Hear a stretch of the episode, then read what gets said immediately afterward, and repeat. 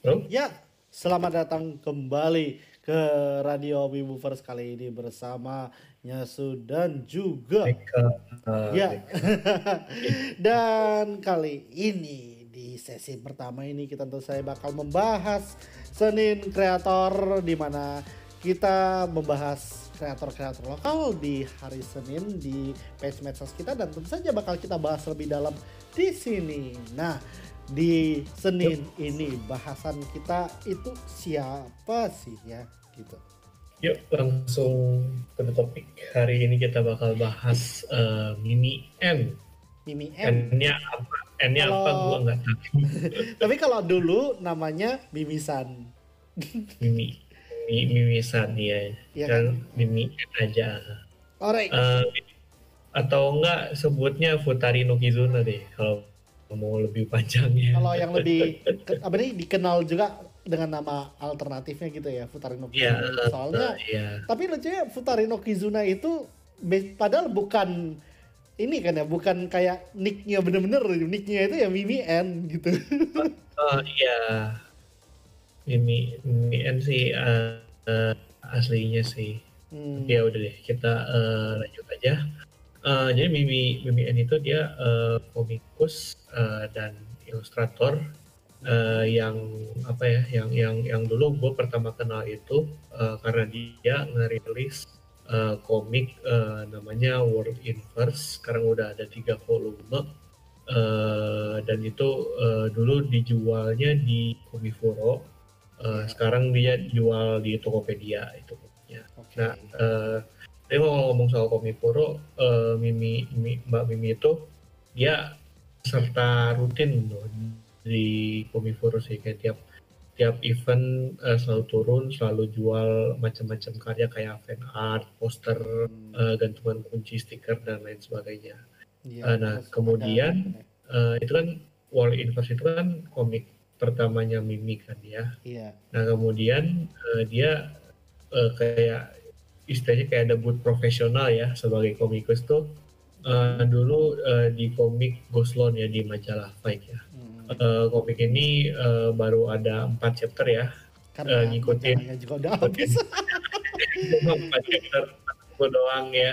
Iya. Eh, Jadi sekarang eh, ceritanya belum dilanjut tapi kalau kalau mendengar dari kabarnya Mbak Bibi sih katanya pengen coba di reward lagi gitu tapi dia yang ngerjain sendiri gitu secara indie lah.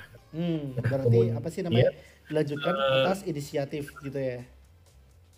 Ya, nah eh, dan sekarang ini eh, Mimi lagi ada proyek personal juga dan ini juga proyek yang cukup surprising ya karena karena punya kualitas yang saking bagusnya nggak kelihatan kayak sebagai karya bikinan orang Indonesia gitu ya. Hmm. Eh, jadi ini Namanya nama proyeknya tuh? itu adalah satu project eh, di mana eh, menggambar eh, ilustrasi Hmm. eh bukan bukan bukan itu tapi uh, Sun Project itu dia lebih kayak ini ya uh, semacam kayak kolektif itu ya isinya. Ah, macam-macam kayak uh, kumpulan ilustrasi komik art uh, art book dan lain sebagainya. Itu tapi kayak semua ah, punya ini punya apa punya benang merah yang sama itu ya Menga- itu Hmm. mengangkat tema isu sosial dan kesehatan mental ya itu dan sebagian, media project kan ya berarti ya. ya. Uh, Namanya ya, dan apa namanya? media project kalau nggak salah itu istilahnya gitu. ya make oh bentar, bentar, bentar. gua. Oke. Soalnya gua siapin ya emang itu sih kayak biasanya sebutan untuk kayak satu proyek tapi ada komik, ada ilustrasi gitu kan ya dan rata-rata ya itu Ya. mix media project gitu lah. Eh, iya. Dan dan apa ya eh, Sun Project ini eh, karena temanya sensitif banget eh, jadi ini eh, karya-karyanya eh, bisa disebut sebagai trigger warning gitu ya jadi kalau Iya. misalnya nggak nggak mental lebih baik jangan dicek sama sekali gitu soalnya banyak yang eh, ngeluh juga sih ke Mimi gitu jadi kayak dia kasih Iya. kayak kasih disclaimer gitu kalau misalnya nggak kuat sama karya-karya kayak mending eh, saya di blok aja sekalian nggak apa-apa gitu Heeh. Dan itu kan ya Sun Project juga itu sampai apa sih istilahnya di eh, kalau mau dibilang sih kayak saking populernya sampai uh, kreatornya yeah. sendiri itu kayak terkubur gitu loh dari kepopulerannya gitu. Iya. Yeah.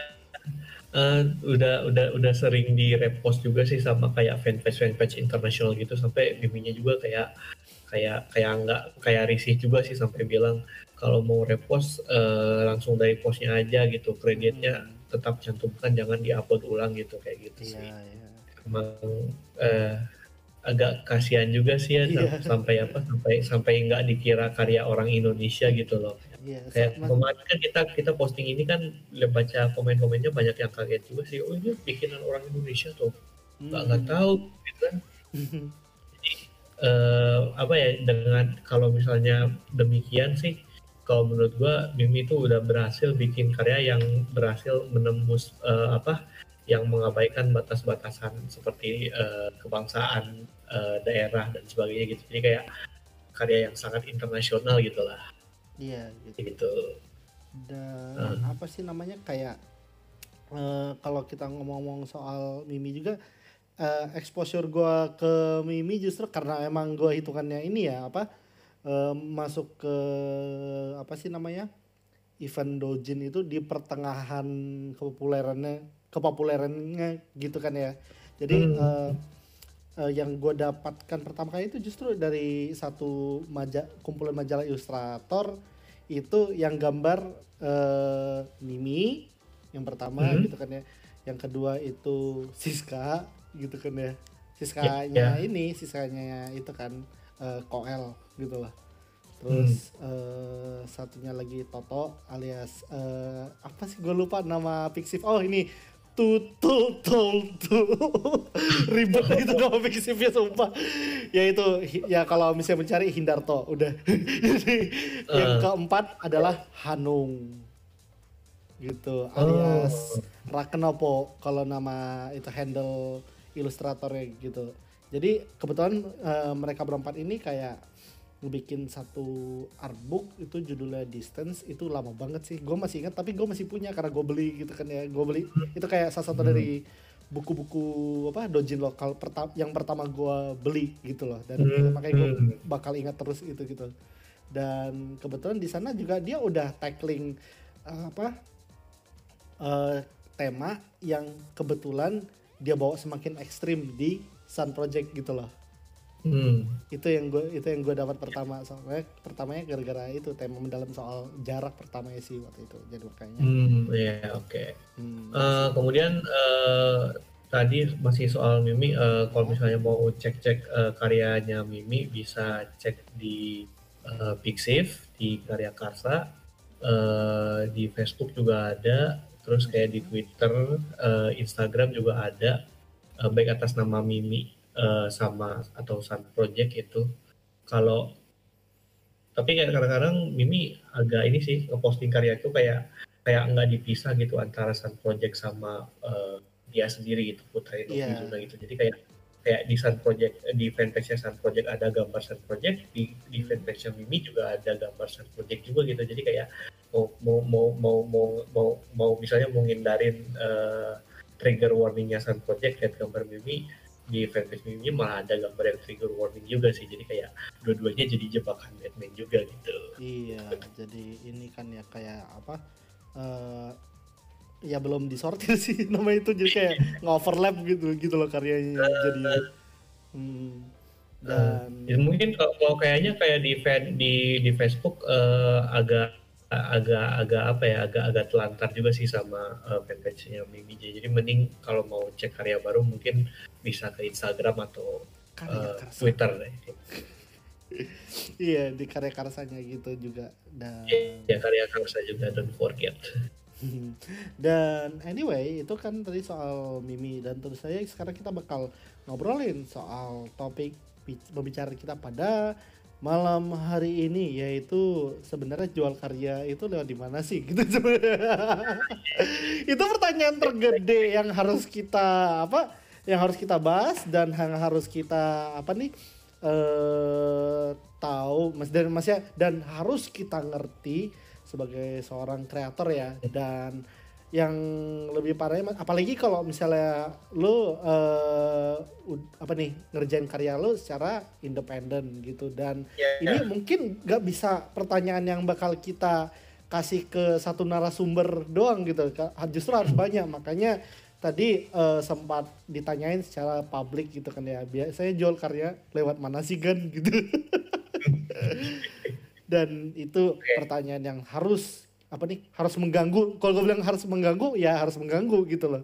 Karena ya ujung-ujungnya um, apa sih namanya ketika lo dituntut untuk apa uh, menjadikan apa lo udah mulai berpikir menjadikan karya berkarya itu sebagai uh, profesi lo gitu kan ya tentu saja harus dipikir lu kan jualannya di mana gitu. Nah ya. dari lo sendiri gimana Uh, iya sih, maksudnya gini, uh, gue melihat tempat jual karya itu kayak sebagai apa ya, jenjang karir lah kalau misalnya lu mau uh, apa namanya kayak kayak benar-benar uh, terjun ke dunia industri kreatif sini sih. Soalnya uh, kayak gue melihat kan kayak apa ya uh, kayak penulis atau komikus gitu mereka baru bikin karya pertama langsung nembak ke penerbit gede gitu. Dan itu kalau yeah. buat gua oke okay, nggak salah sih sebenarnya. Tapi uh, kalau misalnya uh, lu nggak punya materi yang oke okay, dan menurut editor pantas diterbitin itu most likely sih bakal dibatalin. Jadi kalau menurut gua uh, safe betnya adalah dengan uh, self publish gitu ya. Hmm. De, karena dengan self publish itu lu uh, lu nggak nggak nggak bakal dikekang ya. Nggak bakal dikekang sama editor. Gitu misalnya lu harus harus membuat karya yang uh, cater ke pasar gitu. Hmm. Sementara dengan self publish itu uh, lu bisa uh, apa ya bikin bikin fanbase dulu deh sebelum lu bisa terjun ke real dealnya gitu di penerbit yeah. besar gitu yeah. ya. ya kayak kayak untuk untuk self publish itu uh, adalah mencari yang benar membuat fanbase dulu dan kayak uh, testing the waters dulu mencari-cari pengalaman gitu lah sebelum lu bisa terjun ke yang benernya nah cuma masalahnya ini adalah mulainya dari mana gitu. jualnya di mana gitu loh kan pertama pasti itu yang ditanya-tanya. Dan apa sih namanya kayak uh, pros and cons itu gue bisa bilang kayak meskipun ya meskipun uh, lo nggak ngejar thriving alias uh, laku banget gitu. Dan tapi emang kayak uh, apa sih seharusnya orang masih sebagai kreator ya, lah ya itu ya kreator hmm. jualan itu lu nargetin yang laku banget gitu loh daripada nargetin apa nargetin sebagai apa sih uh, wah uh, eh, gue udah mulai jualan mejeng nih di event mejeng nih di uh, karya apa nih tempat-tempat pameran karya indie gitu kan ya. Seperti yang kita obrolin kemarin sama Sudwi gitu kan ya. Ya kan? Dan kalau misalnya apa sih namanya berhenti di situ sebenarnya juga disayangkan. Kenapa? Karena bisa aja kalau kalau memang tujuan lo buat nambah uh, nambah apa sih nambah si nambah sesuatu di CV gitu kan ya. Kenapa nggak nambah di nambah apa nih nambah nambah hal itu sebagai CV justru sebagai penjualan yang sukses gitu loh. Bukan penjualan oh. doang iya kan? Gitu. Iya iya. Itu juga hal yang apa nih bisa jadi ini sih bisa jadi apa uh, catatan juga. Karena apa sih namanya kalau misalnya kita bisa jual mungkin uh, itu kelihatan cakep gitu loh. Tapi bukannya jauh lebih cakep lagi kalau misalnya orang lihat kita berhasil jual sendiri gitu loh jadi kayak uh, apa yeah. sih namanya kalau misalnya orang ke ini orang ngepercayain karyanya karya kita ke kita lagi maksudnya buat itu buat apa sih namanya kayak promosi ngebagiin gitu kan ya hmm. mereka tahu kalau misalnya kita kita bakal bisa laku jualnya gitu gitu loh Dan oh, itu hal iya. yang uh, apa bisa dibilang sebagai pros gedenya dari jualan sendiri itu. Tapi pertanyaannya tetap bertahan jualannya di mana? Gitu. Iya iya. Oke. Okay. ya. Jadi kira-kira nah. ada ini enggak sih? Ada sempat sempat buka aja itu enggak sih jajak pendapat gitu jualannya di mana gitu? Kayaknya hmm. ntar aku coba cek dulu di ini. Boleh dicek di komentar ya. Hmm, tapi uh, sambil cek-cek nanya dong tuh pengalaman jualan pertama lu gimana sih?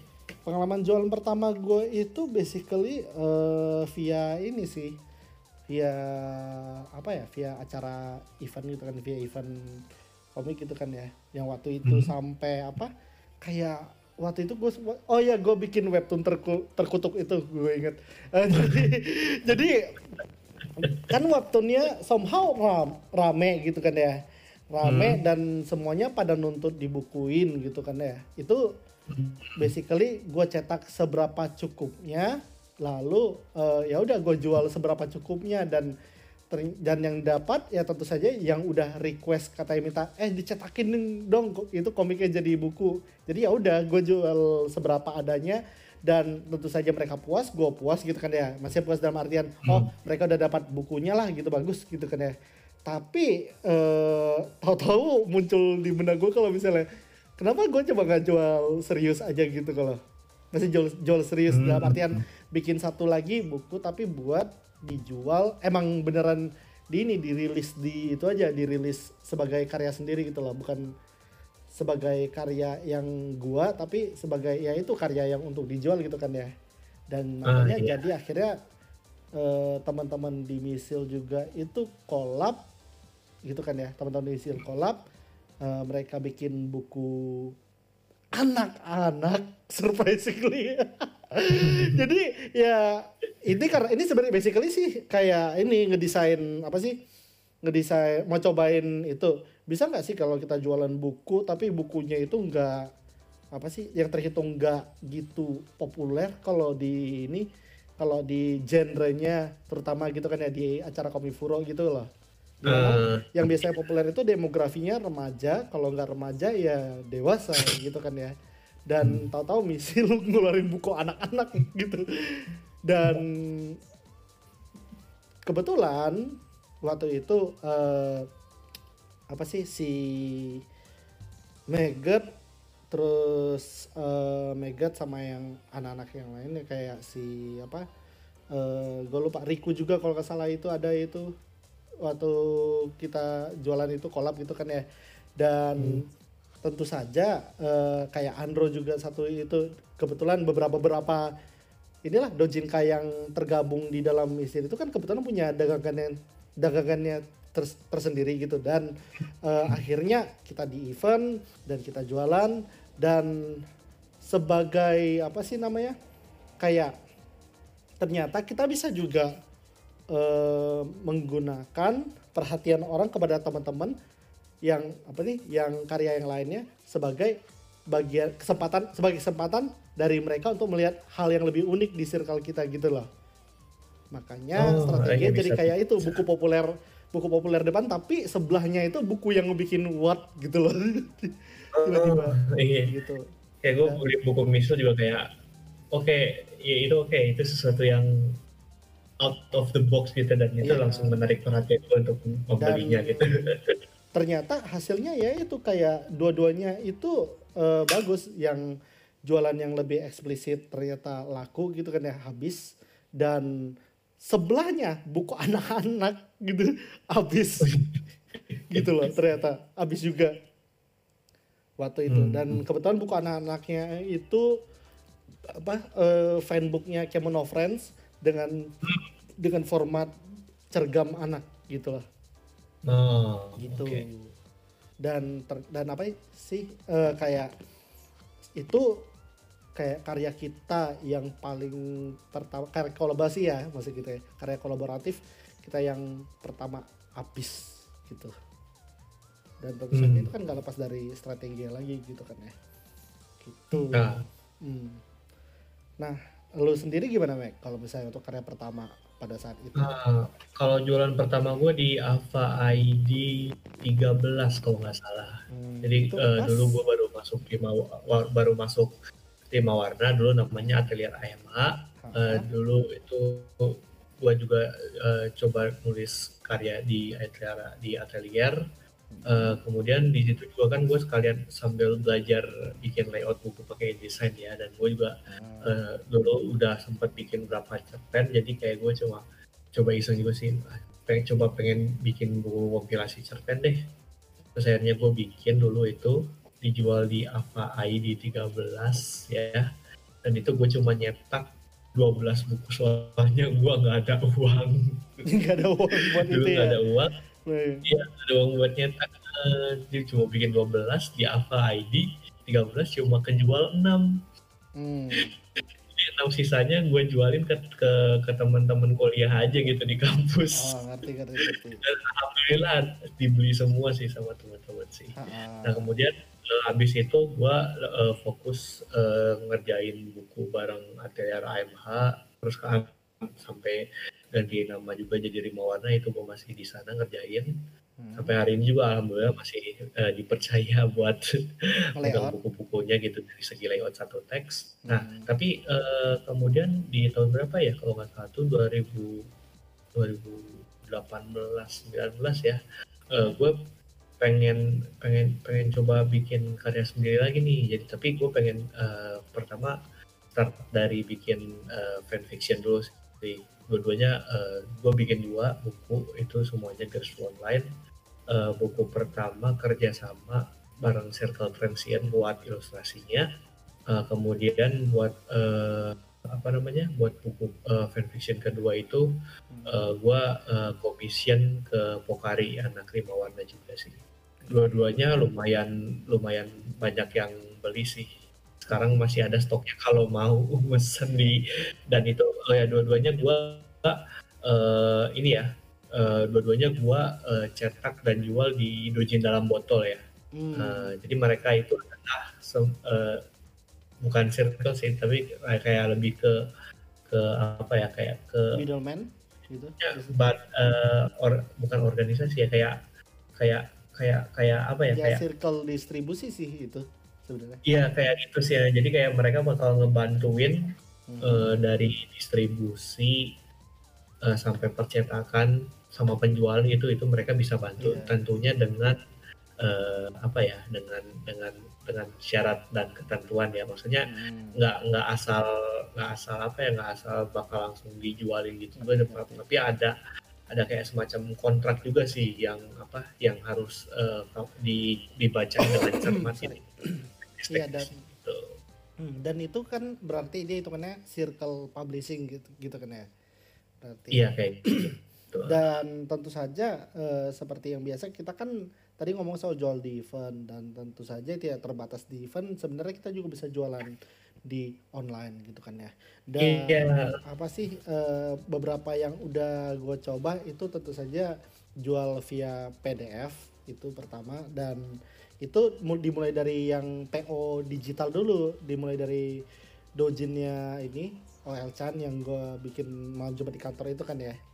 Itu mulai dari PO digital dojin dulu. Jadi biar yang beli ntar nanti dikirimin PDF yang tentu saja udah enkripsi gitu kan ya.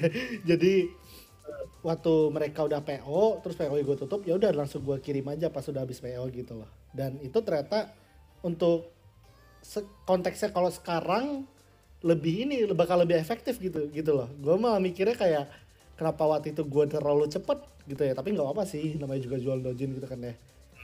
Jadi kayak gue Ya. telat setahun. Eh gue kecepatan setahun gitu loh. Kalau sekarang justru di mana orang lagi butuh jualan online gitu ternyata kita udah duluan dan langsung kayak ya gitu. Ada feeling juga gitu loh. Akhirnya akhirnya eh dojin itu juga meskipun setelah gue buka PO akhirnya gue titipin di halaman traktir gue aja gitu loh. Jadi biar pasif aja gitu kan kalau bisa bagi yang ada yang mau itu tinggal download aja terus habis traktir gue gitu kan ya. Dan gitu eh, the rest is history. Dan dari yang kita lihat juga orang juga ada yang jualan itu kan ya via Gumroad gitu loh. Tapi jualan digital gitu kan. Ya Dan kayak Gumroad gitu ya. Fiverr gitu kan. Hmm. Jadi komentar-komentarnya nih ya, komentar-komentarnya nih yang gue dapat nih. Pertama dari yang kreator musik itu mereka jualannya lewat Bandcamp. Tapi Bandcamp itu biasanya kita taunya cuma download album aja gitu kan ya. Bandcamp. Tapi dia bisa juga jualan merchandise bandnya gi- gitu loh. Jadi komposer-komposer indie bisa nyobain itu lewat situs Bandcamp gitu loh. Apalagi kan kita juga tahu. Bandcamp nggak kekurangan kreator musik Indo juga gitu loh. Iya. Ya kan? Uh, Bandcamp tuh gue lihat banyak dari musisi indie sampai musisi major label juga mereka pada jualan di sana sih meskipun kayak kayak untuk kasus untuk musisi yang udah major label itu mereka udah dibantuin segala macamnya Iya.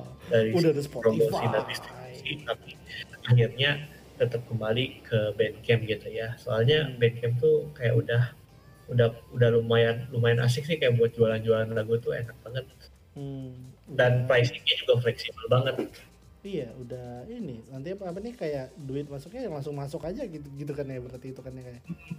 kayak gitu kayak gitu Hmm, dan ya ada yang bilang sih langsung ke penerbit tapi eh, dan itu juga kembali lagi kan apa nih eh, ada ada langkah-langkah yang mesti diambil untuk apa sih namanya eh, menyampaikan karya kita ke penerbit dan masing-masing juga punya demandnya sendiri gitu kan ya benar kan ya berarti Mike.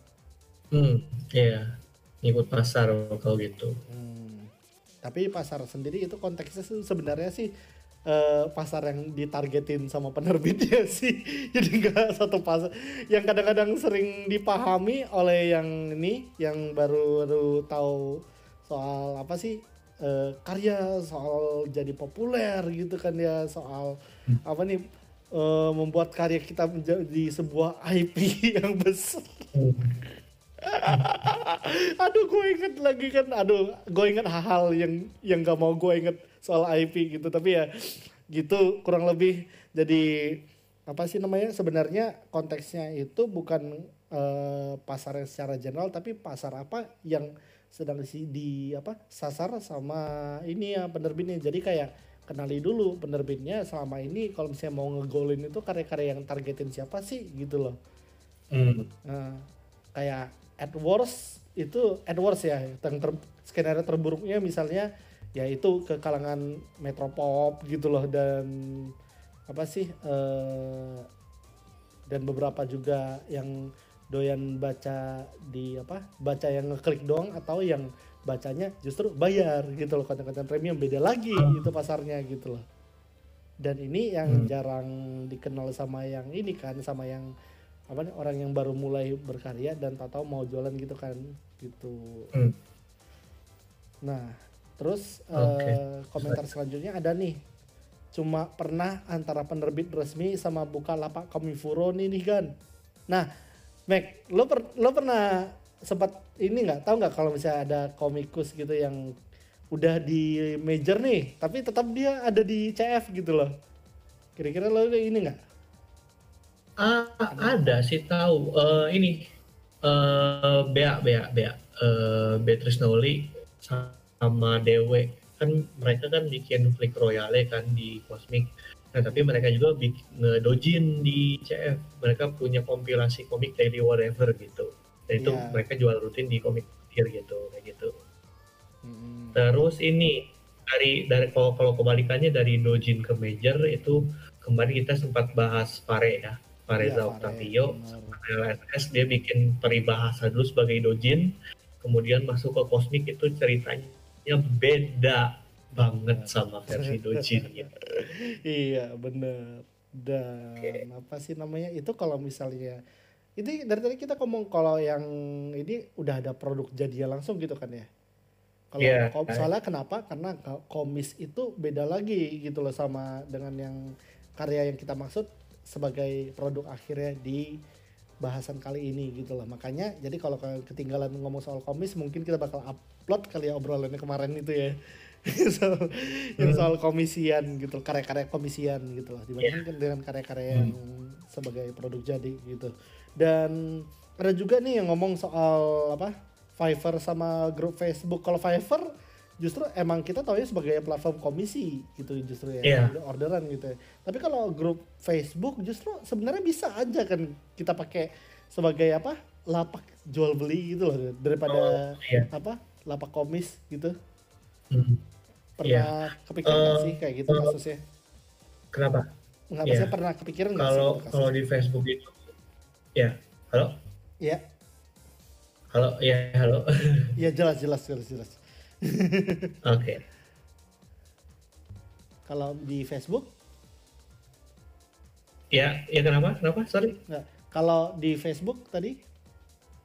Oh ya, uh, kalau di Facebook sih enaknya karena karena karena dia bu, kayak bukan tempat tempat bisnis formal ya, jadi kayak interaksi antara penjual pembelinya bisa lebih kasual, lebih ngaril dan lebih direct. Dan tapi masalahnya di Facebook itu uh, apa ya keamanannya agak kurang sih ya, jadi kayak rawan penipuan gitu. Iya. Udah sering juga sih di grup-grup komisi Facebook tuh uh, banyak yang komis tapi kayak gambarnya nggak jadi-jadi kayak hmm. ilustratornya ngilang gitu nggak ada kabar ber, uh, berbulan-bulan gitu yeah. sampai harus dikejar sama adminnya gitu loh buat gitu. iya sih itu salah satunya dan itu pun kayak uh, kayak di grup Facebook gitu, gitu kan orang juga jualan merch juga gitu kan ya yang kayak waktu biasa yeah. kita bikin pin-pin fans itu kan dan itu distribusi uh, terbatas tentunya karena copyright gitu kan ya. ya. Tapi setidaknya kalau di Facebook dia ada fitur marketplace. Nah, hmm. tapi masalahnya gue juga masih merasa nggak nggak nyaman sih. Gue udah udah pakai uh, marketplace dua kali untuk jual barang yeah. dan itu tuh uh, transaksinya nggak dihandle sama Facebook gitu. Jadi kayak kayak kayak kita cuma listing doang terus kayak deal-dealan lewat PM terus akhirnya COD-an gitu. Iya, terus kayak itu di situ masih masih masih rawan dijebak hmm. juga sih kalau di situ gitu. Iya sih. Dan apalagi kayak yang tadi kita juga ceritain soal Mimi, Mimi jualnya di itu kan ya, Tokped gitu justru kan ya. Iya, Tokopedia. Hmm, terus yang ada juga yang gue tahu itu komikusnya si ini Rimanti yang ngerjain Galis itu kan tahu kan ya tentang hmm? apa pramugari komik tentang pramugari itu judulnya Galis yeah. itu kan ya dia kan dijualnya juga di Tokped itu buku-bukunya gitu loh hmm. jadi kayak hmm. di CF itu munculnya sebagai perkenalan terus ya selanjutnya kalau misalnya yang ketinggalan tinggal beli di ini di Tokped gitu jadi iya yeah. uh, uh, iya Suryo uh, Suryo Sono juga dia jualan di Tokopedia dan tadi yang tadi gue bilang Blogin dalam botol juga mereka uh, bakal bantuin jualan uh, karya kamu dan salah satunya adalah dijual di Tokopedia kayak gitu. Tokopedia gitu. Dan ternyata yeah. ada juga yang manfaatin itu loh uh, Google Playbook loh gitu. Jadi Google Playbook wow. Seingat gue jadi seingat gue ya itu kalau salah guideline-nya masuk ke Google apa Google Playbook itu lebih longgar gitu loh seingat gue dan hmm. ya lo bisa dapat itu dalam dalam apa sih nah, kayak orang yang ngeluarin saldo ntar Google Pay buat, buat beli bukunya gitu kan ya dan keuntungannya ntar nanti masuk langsung ke lu dan apa nih namanya sekali lagi saat ini guideline-nya longgar. Gue tahu kenapa karena ada ya. buku-buku teori konyol One Piece tembus juga gitu.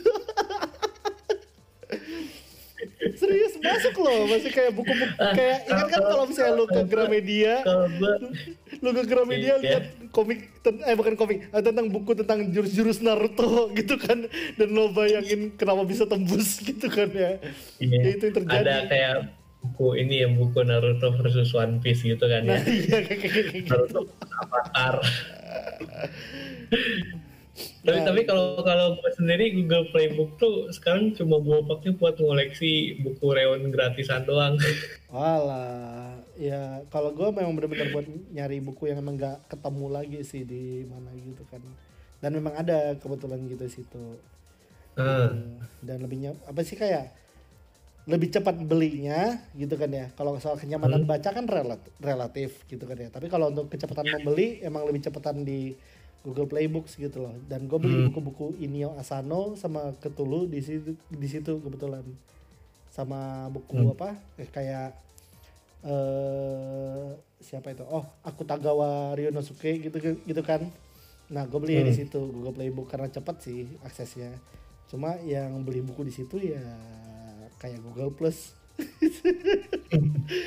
Susah kalau misalnya lo nggak arahin gitu. Hmm. gitu. Hmm Terus tentu saja uh, kenapa kita harus obrolin ini? Sekali lagi itu itu apa nih kayak bottom line-nya. Kenapa kita mesti yeah. obrolin ini gitu? Kenapa? Karena nanti uh, perkembangan Wibuver sendiri yang lo bakal lihat seiring waktu apalagi kalau lo support gitu kan ya lo juga bakal ngelihat dia lama-lama berkembang sebagai sebuah platform apa? Uh, bukan not exactly dibilang sebagai platform dagang gitu. Tapi fungsinya ya itu tadi sebagai platform dagang juga gitu loh. Jadi eh ya itu tadi kayak si di komennya Discord gitu kan Mac ya jualan di Wibufa ketahan. Segu, se- segu yang sangat halus sekali. jadi eh apa sih cepat cepat selesai itu mohon diaminkan gitu. Ya dia dia. Force cepat selesai gitu kan ya. dan apa sih namanya? Ya kira-kira kalau misalnya pun sebagai platform ini nih platform jualan karya gitu kan ya menurut lo har- harapan lo sih lebih tepatnya gitu Mike gimana? Kenapa? harapan lo kalau misalnya pun eh, model apa nih goalnya Wibuverse ntar sebagai platform jualan ntar itu loh kalau kalau gua harapan gue sih Wibuverse itu eh, bisa menjadi apa ya kayak wadah tempat jualan yang maksudnya nggak cuma organize tapi juga aman gitu dari Hmm. sisi transaksi baik itu mungkin eh, transaksi maksudnya pertukaran uangnya perlindungan konsumen perlindungan penjualnya gitu dan Hmm. eh, itu sih yang gua harap sih dari dari dari marketplace seperti uh, gitu adalah dia lebih terorganisir, lebih aman dan eh, lebih nyaman lah digunakan gitu ya. Ada Iya. jadi or- orang lebih pede gitu untuk belanja online gitu kayak gitu. Hmm.